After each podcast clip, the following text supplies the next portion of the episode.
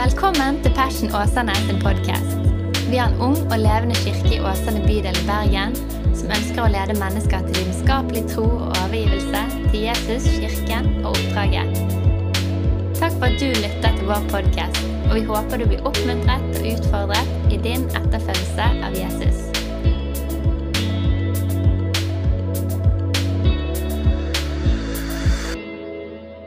Vi er jo en serie i kirken vår i begynnelsen nå i høst.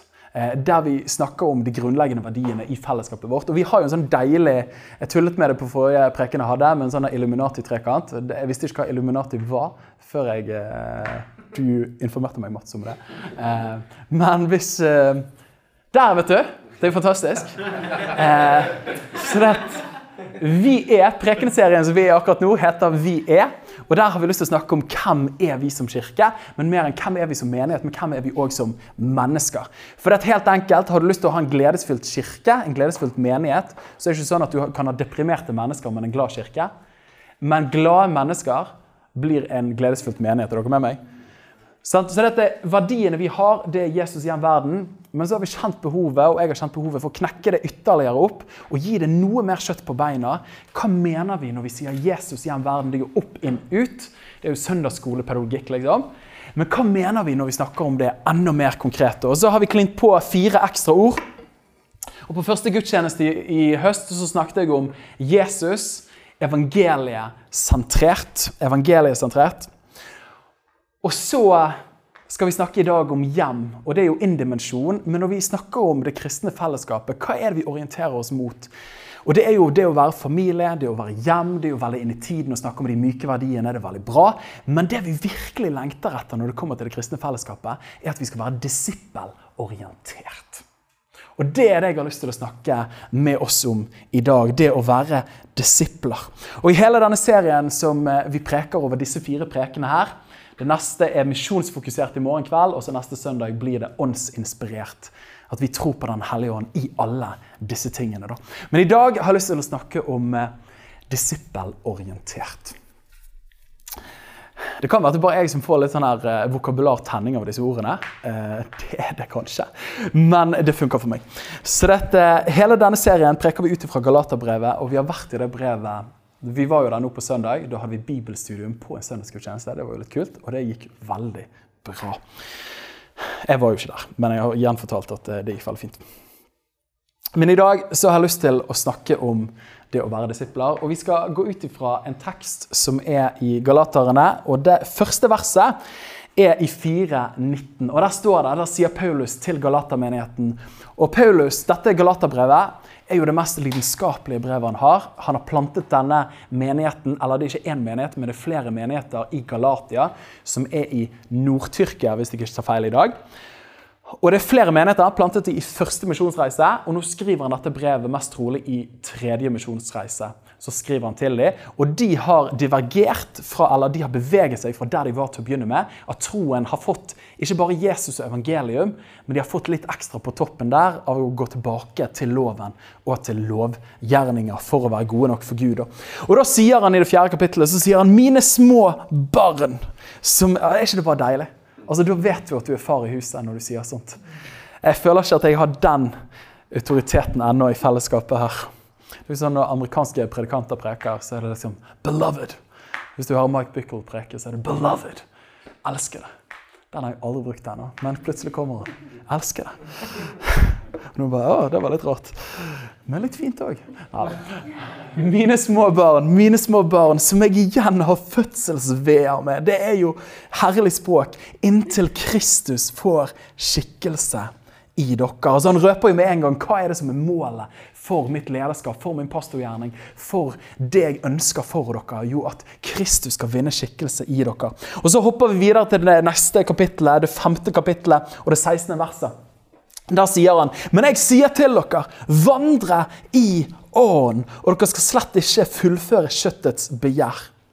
For kjøttet står imot ånden, og ånden imot kjøttet. Og disse to står imot hverandre for at dere ikke skal gjøre de tingene som dere vil. Men hvis dere blir ledet av Ånden, da er dere ikke under loven. Og hør på det her. Kjøttets gjerninger eller kjødets gjerninger er åpenbare. De er ekteskapsbrudd, hor, urenhet, skamløs utukt, avgudsdyrkelse, trolldom, hat, stridigheter, sjalusi, vrede, selvhevdelse, splittelse av partier. Misunnelse, mord, drukkenskap, umoralsk festning og andre slike gjerninger. Altså, Han ligger ingenting imellom her. Om disse gjerningene sier jeg nå på forhånd, slik som jeg også sa til dere tidligere, at de som gjør slikt, skal ikke arve Guds rike. Men åndens frukt er kjærlighet, glede, fred, langmodighet eller tålmodighet, vennlighet, godhet, trofasthet, saktmodighet og selvtukt. Loven er ikke imot slike. Og de som tilhører Kristus, har korsfestet skjødet med dets lidenskaper og lyster. Så hvis vi lever i Åren, så la oss også vandre i Åren. Disippelorientert. Det er jo heftig tekst, da. Men det er jo tidløst med åpenbaring og visdom i disse versene her, som jeg har lyst til å knekke opp, som jeg tror er spot on når vi snakker om det å være disipler og være en kirke som er disippelorientert. Så Jesus, vi ber for disse øyeblikkene. Jeg ber om at du lar ditt ord bli levende for oss. At du taler til oss, Herre. Og at du gjør oss mer og mer lik deg i Jesu navn. Amen. Du, disipler. For en tid tilbake så var det noe som kom på Instagram som var utrolig gøy. Eh, og jeg røper at jeg er på Instagram i hvert fall etter klokken syv på kvelden. Og noen tenker du ligger ut storyer før den tid.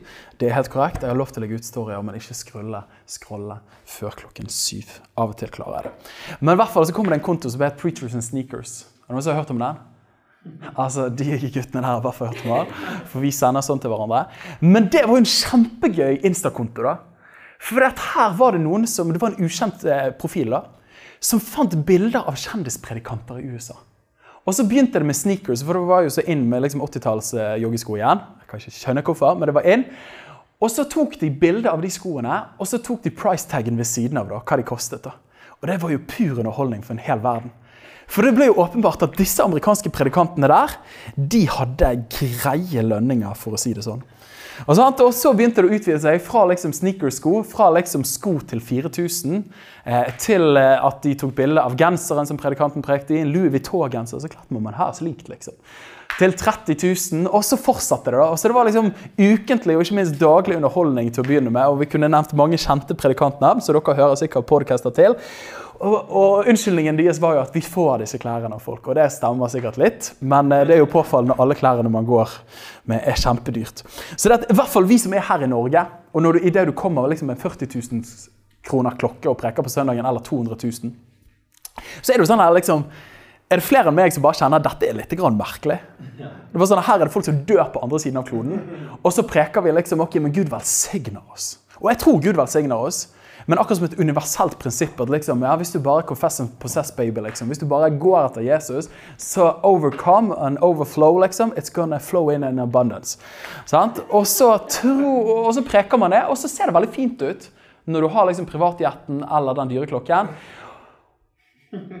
Og så er det bare ja, men det er ikke et eller annet. Altså, akkurat som jeg leser Jesus, jeg ser ikke at det var liksom dette han trigget mest på. liksom. At liksom, Hvordan kan du ha en Louis Vuitton-skjortel i slimfit som koster 15 laken, og så preker du bergpreken, liksom. Så at, altså, det er akkurat som du merker du dissonansen der. Og på samme måte, apropos eh, liksom herlighetsteologi. Afrika har jo blitt klandret litt for det, men de har jo bare importert det fra Vesten. da. Eh, og Det er jo liksom en deilig blanding av liksom trosforkynnelse og amerikansk jappekultur og konsumerisme. There you have a great cocktail for de som er på toppen. Um, men Afrika, korstog Man pleier å tulle av og til med Afrika, at Afrika har blitt frelst mange ganger. Uh, det er jo litt morsomt sagt, og jeg husker det var en som sa Afrika har blitt frelst fem ganger. Hvis du liksom bare summerer opp alle gangene folk har respondert på et korstog, og tar alle de tallene, så har landet blitt frelst veldig mange ganger. Og For en del år siden så var det en som John Kavanka, som er misjonsleder for den anglikanske kirke.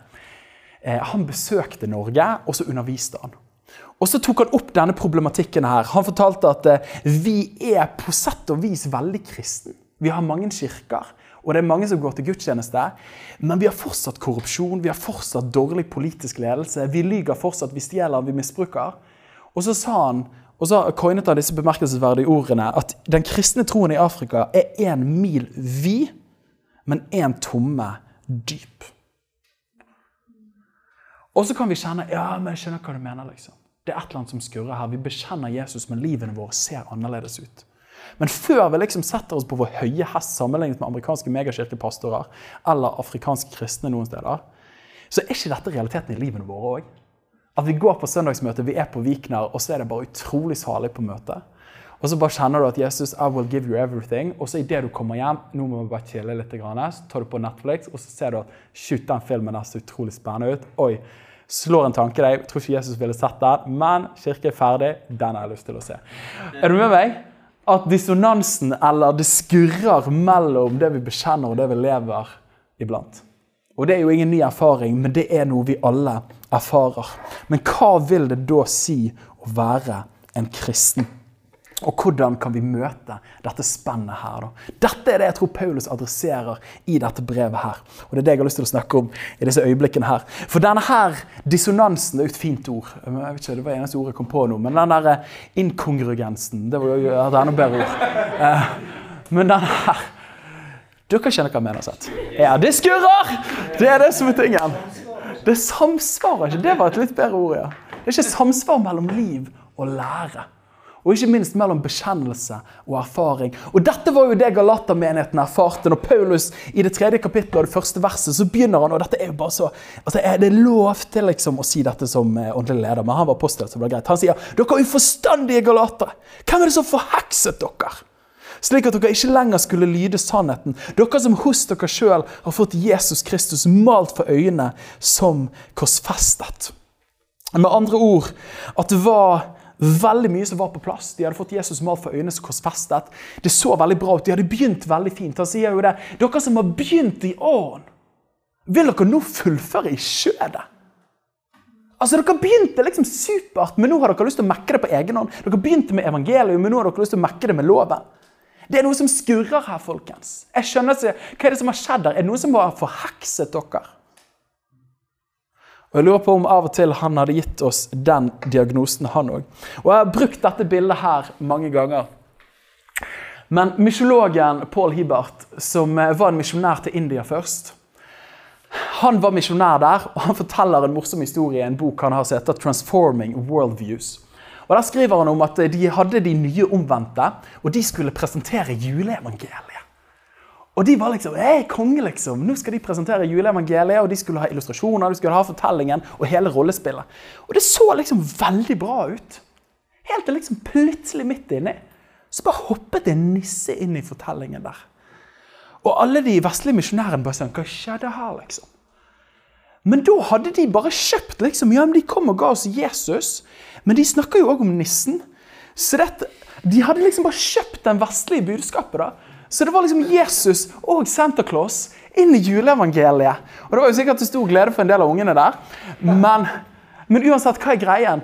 Jo, det er så lett for at vi, at vi tar med oss Jesus på den ene siden, men så tar vi med oss mye bagasje på den andre siden. Vi tar med oss ulike verdenssyn. Og den trakten her syns jeg er kjempebra når vi snakker om disippelliv.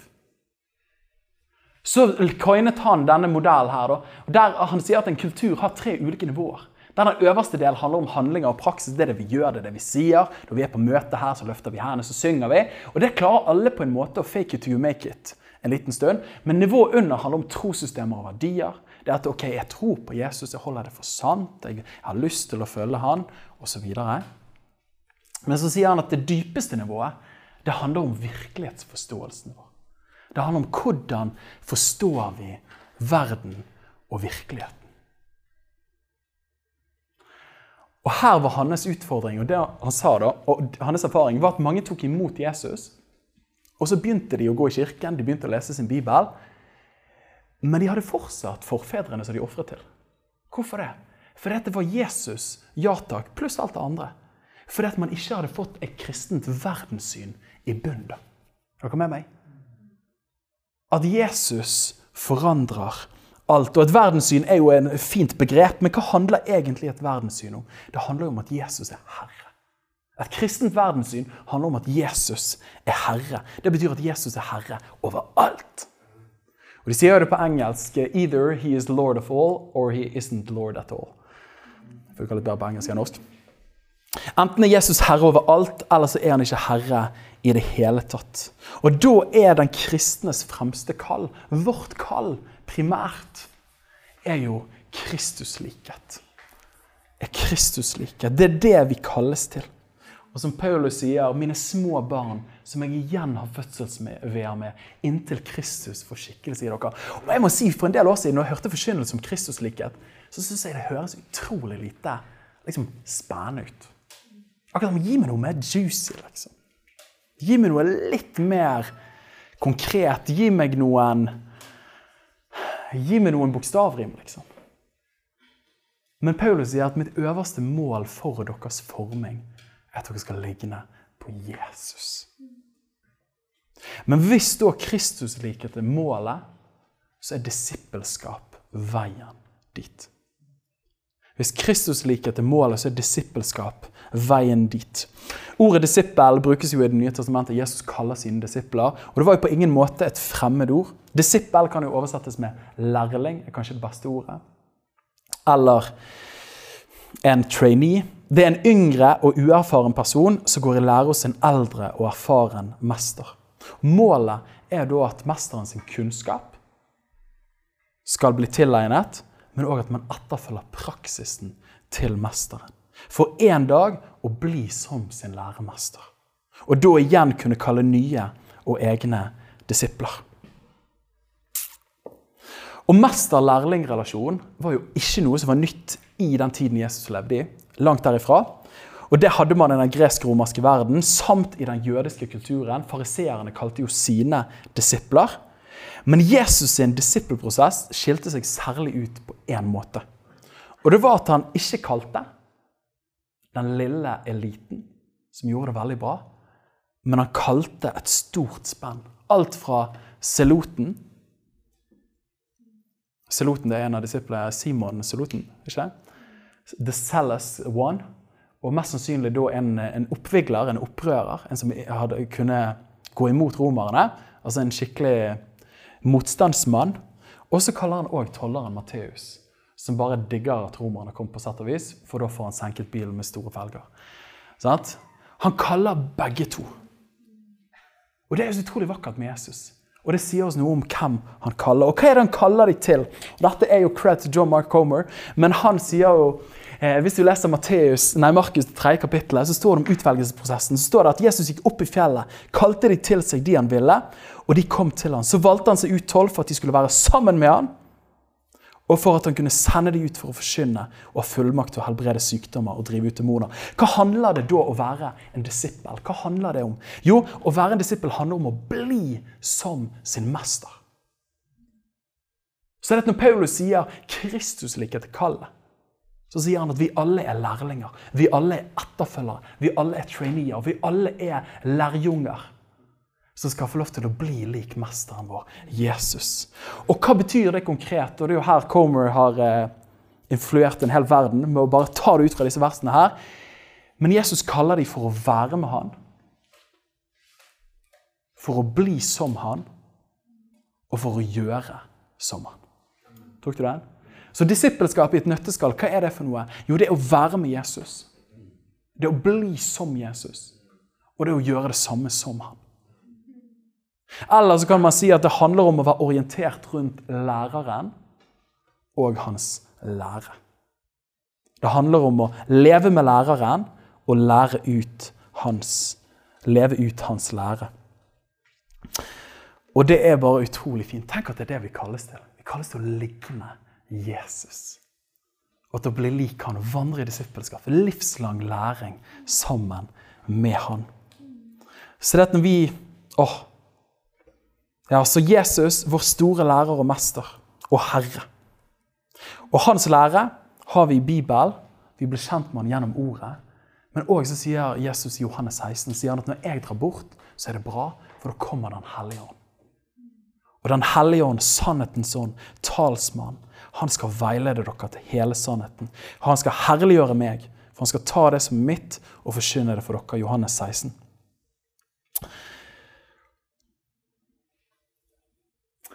Det Jesus, eller Når Jesus gikk rundt på jorden, så står det av og til at, at mengder var rundt ham. Og jeg har bare levd i min litt sånn lille barnebibelforståelse av hvordan det var når folk fulgte Jesus. Bare så for meg at det var tolv liksom, gutter som trippet etter ham med hodet bøyd og sparket i grusen. Men når du leser evangeliene, så virker det som det er hundrevis av folk som fulgte Jesus. Iblant tusenvis av folk. Og når han er det i Johannes 6, når han sier at folkens, skal dere komme etter meg, så må dere ta og drikke mitt blod og spise, mitt, uh, spise min kropp. Og Da står det at folket tok anstøt og trakk seg unna. Med andre ord, det var veldig mange folk som fulgte han. Og så sier han til disiplene vil dere også stikke, eller? Og så sier Peter de bemerkelse, altså det skarpe øyeblikkene sier han, hvem andre skal vi gå til? Eh, med andre ord, han hadde ingenting å vende tilbake til. Han forstår at det er det Jesus eller ingenting. Så dette eh, Hvem andre skal vi gå til? Men hva er, hva er poenget mitt her? Jo, når vi snakker om disipler i passion og disippelorientert kultur, så hadde Jesus mange fans da, som, som likte han for en tid. Og som likte det han prekte og syntes det var kult å følge han en liten stund. Men det, de som virkelig tok det videre, var ikke noen fans, men det var noen som ble følgeren hans. Og Av og til så kan man snakke i litt denne sjargongen av menighetsliv at, at we don't want a crowd, but we want a church. At det er stor forskjell på å bare være en fan og det å være en følger. Det vi sikter oss inn på. Åh! Altså Det som jeg tror er svaret for den vestlige kirke, det er ikke først og fremst heftigere PA-system og kulere røykmaskiner og enda bedre scenerigg og en enda flinkere pastor og enda flinkere lovsangsarbeid og enda bedre søndagsskolearbeid. Det er jo ikke det som kommer til å frelse verden. Og nå siden 70-80-tallet Ehm, med Donald McGavran, hvis jeg ikke tar feil, faren til den moderne menighetsvekstbevegelsen. Og Han var jo en glitrende fyr, tidligere misjonær, men liksom tankene som han brakte med seg, og mye som kom ut av det, er jo liksom moderne kirkevekstbevegelsen. Så handler det om at vi bare må liksom rigge møtene våre litt bedre. Vi må gjøre den sosiologiske leksen enda bedre, så vi forstår hvilke folk vi har rundt oss, og vi snakker deres språk og brygger den kaffen som de liker, sånn at de kommer på gudstjenestene våre. Men altså, Alle disse fine tekniske grepene som i, i og for seg i seg sjøl er gode ting. Men akkurat som det har gitt oss bedre kvalitet på gudstjenesteuttrykket, som er fint. fordi at altfor mange gudstjenester erfarer å gå inn i en tidsmaskin, og så går du tilbake til liksom 1930-tallet eller 1950-tallet. Så det er bra vi trenger å henge med i tiden. Men det har jo ikke ledet til den vekkelsen som vi håpte det skulle gjøre. Hvorfor det? Jeg tror ikke vi trenger flere fans av Jesus. Som liker en tale, som lytter bare til en podkast og deler den videre på Facebook. Konge det. Men at vi lever det, og at vi lærer det. da. Åh, Det er det vi drømmer om, og det er det disippelskap handler om. Come on. Jeg kjenner jeg blir giret av det her, venner. Jeg kjenner jeg blir giret av det. Og Da må vi snakke om hva er disippelskap da i sin kjerne. Jo, det handler om å bli lik Jesus. Målet er Kristuslikhet. Veien dit er disippelskap. Det er bare å memorere. Det er bare å få inn. Det er det vi sikter oss mot. På grunn av at vi vil at vi skal ligne på Jesus. Jeg vil at du som går i vår kirke, skal bli lik Jesus. Ikke først og fremst bli mer lojal mot en menighetspolicy. Så er målet disippelskap, og ikke bare en trainee-vei innad i en menighet. Åh, men hva er den erfaringen? Hvordan blir vi da lik Kristus? Hvordan vokser man som disippel og i Kristuslikhet? Og I teksten vår så setter Paulus fingeren ofte på denne her skurringen, dissonansen, inkongruensen, mangel på samsvar mellom liv og lære. Når han sier i Galaterne 5,16, sier han, men jeg sier dere, folkens, vandre i åren, og dere skal slett ikke fullføre kjøttets begjær. For kjøttet står imot åren, og åren imot kjøttet. Og disse to står imot hverandre for at dere ikke skal gjøre de tingene dere vil. Mm. Du og meg, vi er jo frelst. Vi er jo rettferdiggjort i det vi kommer til tro. Du har blitt frelst. Men du vet, frelse står i tre deler. Men akkurat nå så blir vi òg frelst. Og det er det Bibelen kaller for helliggjørelse. Og det er det Paulus beskriver her. Han sier at det er noe i oss som er sjø, det er noe i oss som er kaoskrefter, det er noe i oss som drar oss bort ifra Jesus. Men så har vi òg fått et nytt liv på innsiden som er født av Gud, som er Den hellige ånd, som trekker oss mot Jesus likhet. Og disse to tingene står imot hverandre på innsiden. Og dette her er jo utrolig surt. Det er jo det Bibelen kaller for kjøttet. Eller de gamle oversettelsene skjødet. Jeg syns skjødet er liksom bedre, men det er kanskje pga. jeg er gammel. Men jeg føler når du liksom sier kjøttet, eh, så handler det liksom om kjøttet mitt eh, Men det, handler, det, er jo veldig viktig å si. Opp gjennom historien så har mange kristne tenkt at liksom kroppen i seg sjøl er ond og gale, men liksom vår ånd er god. Det er gresk gnostisisme og dualisme. ingenting med bibelsk virkelighetsforståelse å gjøre. Det er ikke sånn at kroppen din er ond. Dine liksom kroppslige lyster. Nei, nei, Jesus sier det ut fra hjertet. Det kommer det som gjør deg uren. Så, så hvis det var kroppen som var kjip, så burde vi alle levd asketisk, asketiske. Da. Det gjør vi ikke, for det er for godt med cheeseburger. Det er kanskje et tegn på skjødet. Men hva er da skjød for noe? Jo, jeg skrev jeg tror skjød er, det er som sand i maskineriet. Det er som såpe i øynene. Det er som sjokoladetrangen på andre nyttårsdag etter årets sukkerfrie forsett. Eh, det er det som messer opp hele ligningen. ikke sant? Og hvordan definerer vi skjødet? Det ordet som brukes på gresk her, er sarks. og Det betyr helt enkelt bare kjøtt. Det kan brukes i positivt eller negativ forstand. Det er egentlig objektivt i seg selv. Men teologen N.T. Wright han sier det sånn som dette. Han prøver å formulere det. Og så sier han at det handler om skjødet, hvor din sanne identitet ligger. Hvor din dypeste motivasjon kommer fra, og hvor kraften som styrer ditt liv, virkelig er funnet. Med andre ord, det er en drivkraft på innsiden av oss, og det er en selvforståelse på innsiden av oss som står imot Gud, sånn som Paulus sier her. Og her har jeg nødt til å være litt ærlig med dere. For at jeg eh, For en del år siden så hørte jeg en del undervisning som ligger veldig vekt på Hvis du leser Romerne, det sjette kapittelet, og utover der, så står det mange ganger at kjødet ditt er korsfestet. Det er begravet. Og Det leste vi òg i, i 524 her, at alle som tror på Jesus, har korsfestet skjødet. Så hørte jeg en del undervisning som sa at, eh, at kjødet ditt er korsfestet. Altså Lystne til å gjøre synd, det er korsfestet. Det er ikke lenger i deg. Ok, Men hvis da det jeg, det jeg da kjenner på for helt åpenbart, Jeg kan ikke fornekte på at jeg av og til kjenner at jeg ikke har lyst til å smile tilbake til Helene når hun er god med meg. Når du kommer og gir meg en klem og jeg blir stiv som en stokk og liksom bare kjenner at uh, Har dere opplevd det noen gang? At uh, du ikke har lyst til å gjengi den omsorgen du blir gitt? Og Av og til lurer jeg på om det er terrortriks når man merker at den andre er sur, og så bare overøser man dem med sånn her, i hvert fall fysisk godhet. Og For en som ikke har fysisk kontakt med kjærlighetsspråk, så oppleves det av og til bare sånn Lign på Kristus, Daniel. Og så Ja, det er godt. Det kan være at jeg bare meddelte vår reise der. Men når jeg da kjenner på disse tingene på innsiden Ok, det er ikke skjød, da, tydeligvis, siden det er korsfestet og det er begravet. Men ok, hvis det ikke er skjød, hva er det da for noe? Så ble jo undervisningen at, at du er en ny skapning, det gamle er forbi, så alt er borte. Så hvis du kjenner på drifter og lyster og lengsler som ikke er av Gud, så må det være en er, må jo, altså, Den eneste slutningen må jo være at det er en ond ånd, på en måte, eller det er djevel, eller det er et eller annet liksom, bak der. Og så må du bare rebuke it og liksom go against it in the name of Jesus. Og så tar du åndelig jiu-jitsu. Og det funker på de dagene der du kjenner at du liksom er på topp. Men de dagene der du liksom lever i berøring med din menneskelighet hele tiden, så får du plutselig en veldig stor djevel. Og så får du en veldig liksom, maktesløs gud av og til. da. Og så blir det en demon bak enhver busk. og sånn som det var på høyden av trosbevegelsen i en liten periode, så måtte man liksom kaste ut den sjokoladeavhengighetsdemonen. For dette Alt var jo en demon. Og det er en grådig slitsom måte å leve livet på. da.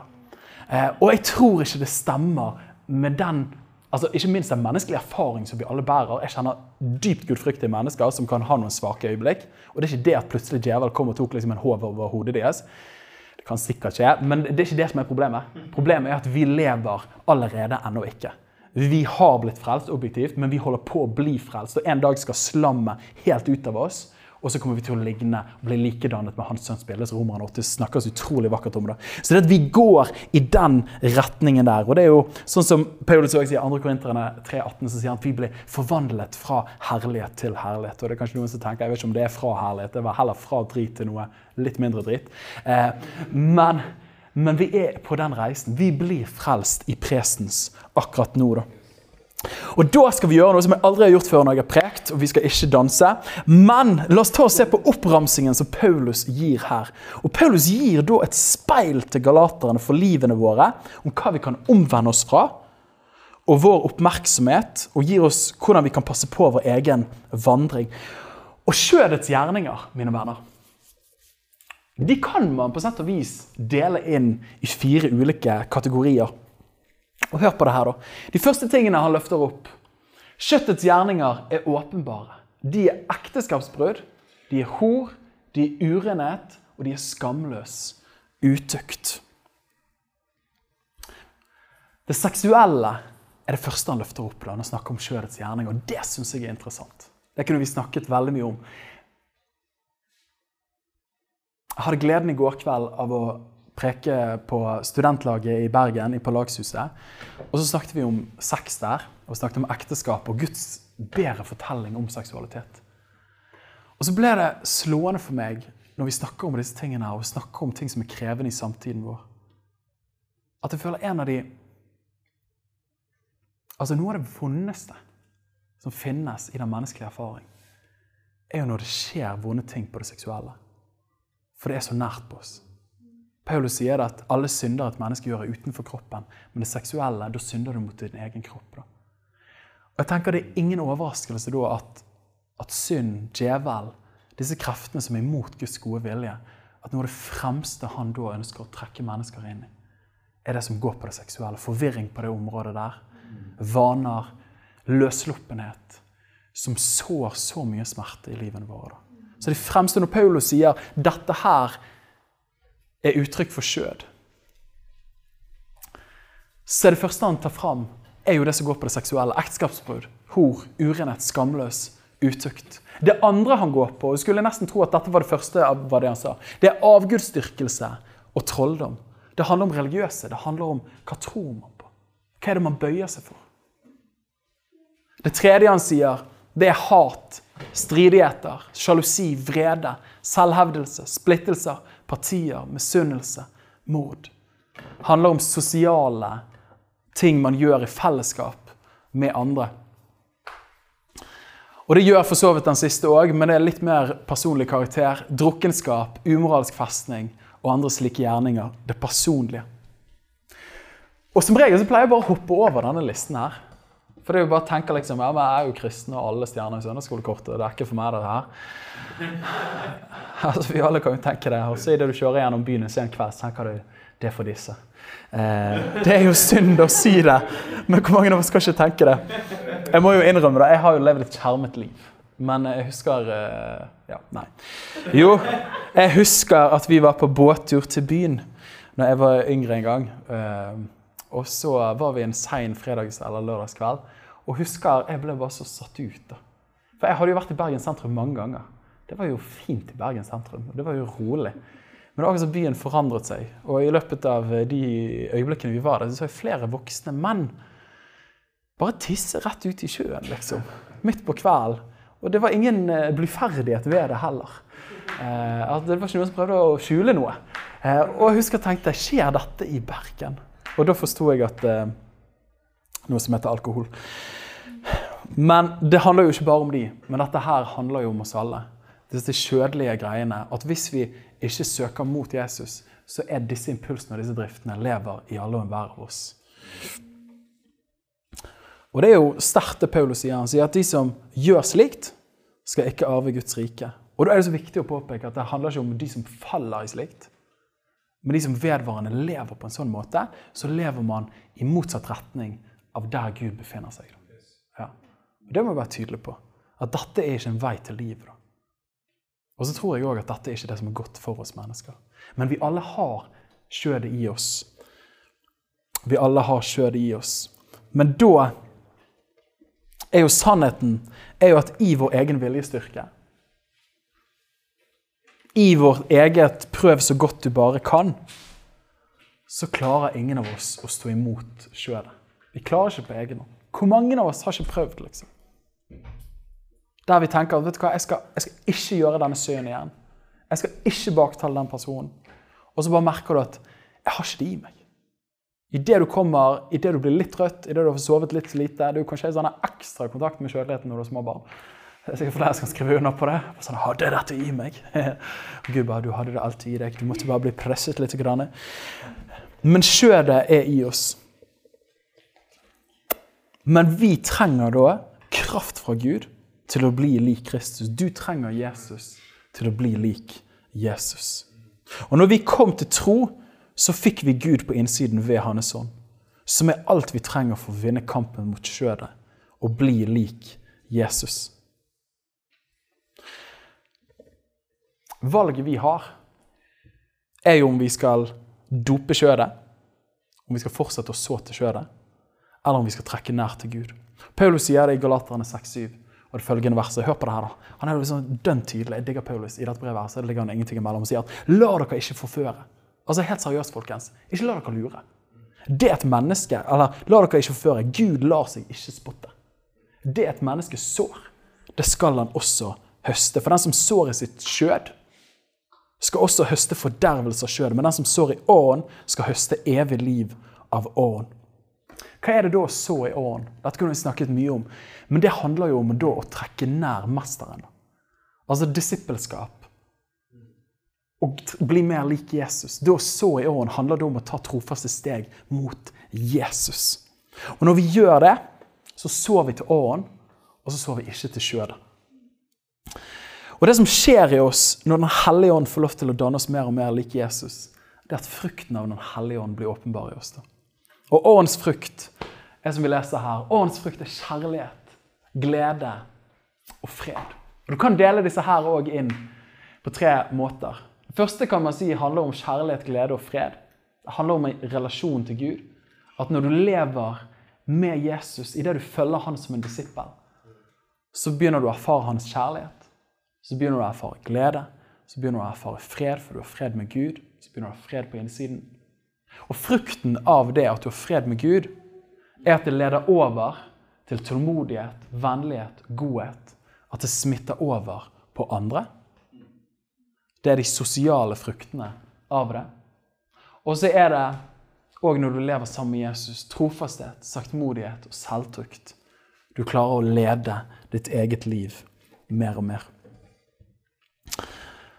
Åh. Ikke, altså, bare se på det her, da. Årens frukt er kjærlighet, glede, fred, tålmodighet, vennlighet, godhet, trofasthet, saktmodighet og selvtukt. Jeg vet ikke om du har tenkt på det før, men dette her er jo egentlig et bilde på Jesus. Hvis du bare tar bort årens frukt, så sier du Jesus han er jo kjærlighet. Jesus er glede. Og Det står at han var salvet med gledens olje foran sine brødre. Han er fredfull. Han er tålmodig, han er vennlig. Han sier 'jeg er mild og ydmyk av hjerte'. Han er godhet, han er trofast, søkmodighet, selvtukt. Ser du det? At Når du lever, når du sår inn i åren, og årens frukt begynner å bli åpenbar i deg, hva er det egentlig som skjer? Jo, du begynner å ligne på Jesus. For dette årens frukt er jo bare Jesus. Så at når du sår til åren, så begynner Kristuslikhet å ta form i oss. Dette er jo det vi ønsker skal få lov til å kjenne og tegne oss som etterfølgere av Jesus. Og sånn, dette er jo ikke noe man snakker ofte om, og jeg kunne sikkert snakket mye bedre om det. Men dette er den kristne vandringen. Å erkjenne ok, jeg kommer til kort, jeg har noe som heter sjø. Det er noe dissonans, det er noe som ikke samsvarer. Men jeg har òg fått et nytt liv fra Gud på innsiden, som vil det gode, som vil rettferdighet. Men disse to tingene står imot hverandre. Men hva vil jeg da så inn i? Og der kan ikke Gud tvinge oss til. Og jeg, digger, jeg vet ikke om det er på sliden, det neste verset, men det er Galaterne 5, 24. Her står det, og Dette verset her kan man faktisk memorere. Dette er verdt å memorere. Her sier da Paulus, etter å ha snakket om skjødets gjerninger og frukten av Den hellige ånd, og sagt innledningsvis at disse to tingene står imot hverandre, så sier han at de som tilhører Kristus, det er deg og meg. Vi som objektivt har blitt frelst, vi som har blitt rettferdiggjort, vi som tilhører Kristus, vi har korsfestet skjødet med dets lidenskaper og lyster. Hva er tingen her? Jo, jeg vokste opp med det bildet at på innsiden av deg så har du en svart hund og så har du en hvit hund. Jeg liker jo ikke altfor godt hunder, så det er jo ikke altfor kult uansett. Men sant? Svart hund er skjødet, så hvis du mater skjødet Hvis du gir masse kjøtt, eh, kjøtt til hunden som heter skjødet, eh, så blir den stor og sterk. Og så er den hvite hunden, som er jo engelhund, som er Jesus-hund, som er Helligånd-hund, som er basarhund, som er bedehushund. Altså, Name it what you want. Hvis du da sultefôrer den, så vil da kjødet i deg bli sterkt, og så vil ånden i deg eh, bli svakt. og den hellige ånds liv i deg. Og så lever man på en måte Og det bildet på sett og vis gir det mening. Men på en annen måte så tror jeg ikke at det er helt bibelsk. da. For da får du inntrykk av at kjødet og åren er to like størrelser. Og at de nesten er like sterke. Og så kan du ende opp med en litt sånn her gjerningstro det er at ok, men shoot, jeg må bare være superdisiplinert, sånn at jeg husker å gi kjøtt til Jesusøen. Og ikke gi kjøtt til djevelhøen. Men jeg tror et mer bibelsk bilde er sånn som Paulus sier. Når han da sier skjødet. Dere har korsfestet skjødet. Med andre ord, synd og djevel og skjød har ingen rettmessig makt i livene våre lenger. Og det bildet som jeg syns er bra, er at hvis du ser for deg et stort, falleferdig tre, at røttene til skjødet har blitt kappet over, så det holder på å falle. Men vi kan alltid ta med oss noen nagler og noen tau og liksom bare prøve å holde skjødet på plass ved å se dumme ting, ved å gjøre dumme ting og gjøre de tingene vi leste om her. Men den store fortellingen er jo at vi har blitt frelst, og vi holder på å bli frelst. Det er ingen tvil om hvilken retning det er på vei hen. Og det er så viktig. Hvis det ikke så kan man ende opp med en kristendom som unnskylder nederlag bare sier at ja, men jeg er bare arme synder, jeg har ikke noe valg, liksom. Jeg bare sånn, Det er bare lathet. Det er ikke nytestamentlig kristendom. For nytestamentlig kristendom er et liv i seier i Den hellige ånd. Og da sier han hvis vi da lever i ånd, så sier han rent objektivt hvis du da har fått Den hellige ånd som etterfølger av Jesus, ja, men så for all del vandre i ånd. Han, han sier òg det ordet 'vandre'. Leve er passivt. Men ordet 'vandre' er et aktivt ord. Og Det er samme han sier i kapittel 5, vers 16. sier han at eh, 'vandre i ånd'. Lev i ånd. Med andre ord, trekk nær til Gud. Vær en disippel. Følg Jesus. Ikke bare vær i han objektivt, men vandr mer og mer mot han aktivt. For når du gjør det, så vil Jesus vinne skikkelse i oss. da. Favorittsitatet mitt når det kommer til kristen helliggjørelse og det å være disipler, er en som heter Gordon Fee. Han sier at kristen helliggjørelse handler om å bli det du allerede er. Det handler om å bli det du allerede er. Og det forandrer alt. Istedenfor at du skal jobbe deg opp, så forstår du heller at jeg er allerede det i Han. Men jeg, jeg holder på å bli det jeg allerede er i Han. Så det som er objektivt sant, holder på å bli en subjektiv erfaring i livet mitt. Oh yeah, Det er seint på kveld her. Men vi er, hva er det vi er som kirke? Hva er det vi ønsker å være som etterfølger av Jesus? Jo, vi ønsker å være disippelorientert. Ikke først og fremst ute etter at man ligger ned enda flere timer i å koke kaffe til en gudstjeneste, selv om det kan være knallbra og det kan være virkelig et uttrykk for disippelskap. Men vi, vi, sikter enda dypere enn bare handlingene og praksisene. Vi går på verdenssynet. Vi går på det dypeste hjertene våre, den dypeste lojaliteten. Om Jesus er herre. For hvis Jesus er herre, da er vi disipler og etterfølgere. Eller er Jesus bare en life coach eller en veileder som vi kan lytte inn til når vi føler for det? Det er hele forskjellen. Um, så vi er disippelorientert siden Kristuslikhet er det fremste kallet vårt. Mm. Amen! Takk for at du lyttet til vår podkast. Hvis du synes den var bra, så del den gjerne med noen flere. Vil du vite mer om hvem vi er, hva som skjer, og kanskje besøke en av våre gudstjenester, se vår nye hjemmeside på fashionåsane.no, eller følg oss på sosiale medier. Helt til slutt, ta imot Herrens velsignelse. Herren velsigne deg og bevare deg. Herren la sitt ansikt lyse over deg og være deg nådig. Herren løfter sitt åsyn på deg og gir deg fred.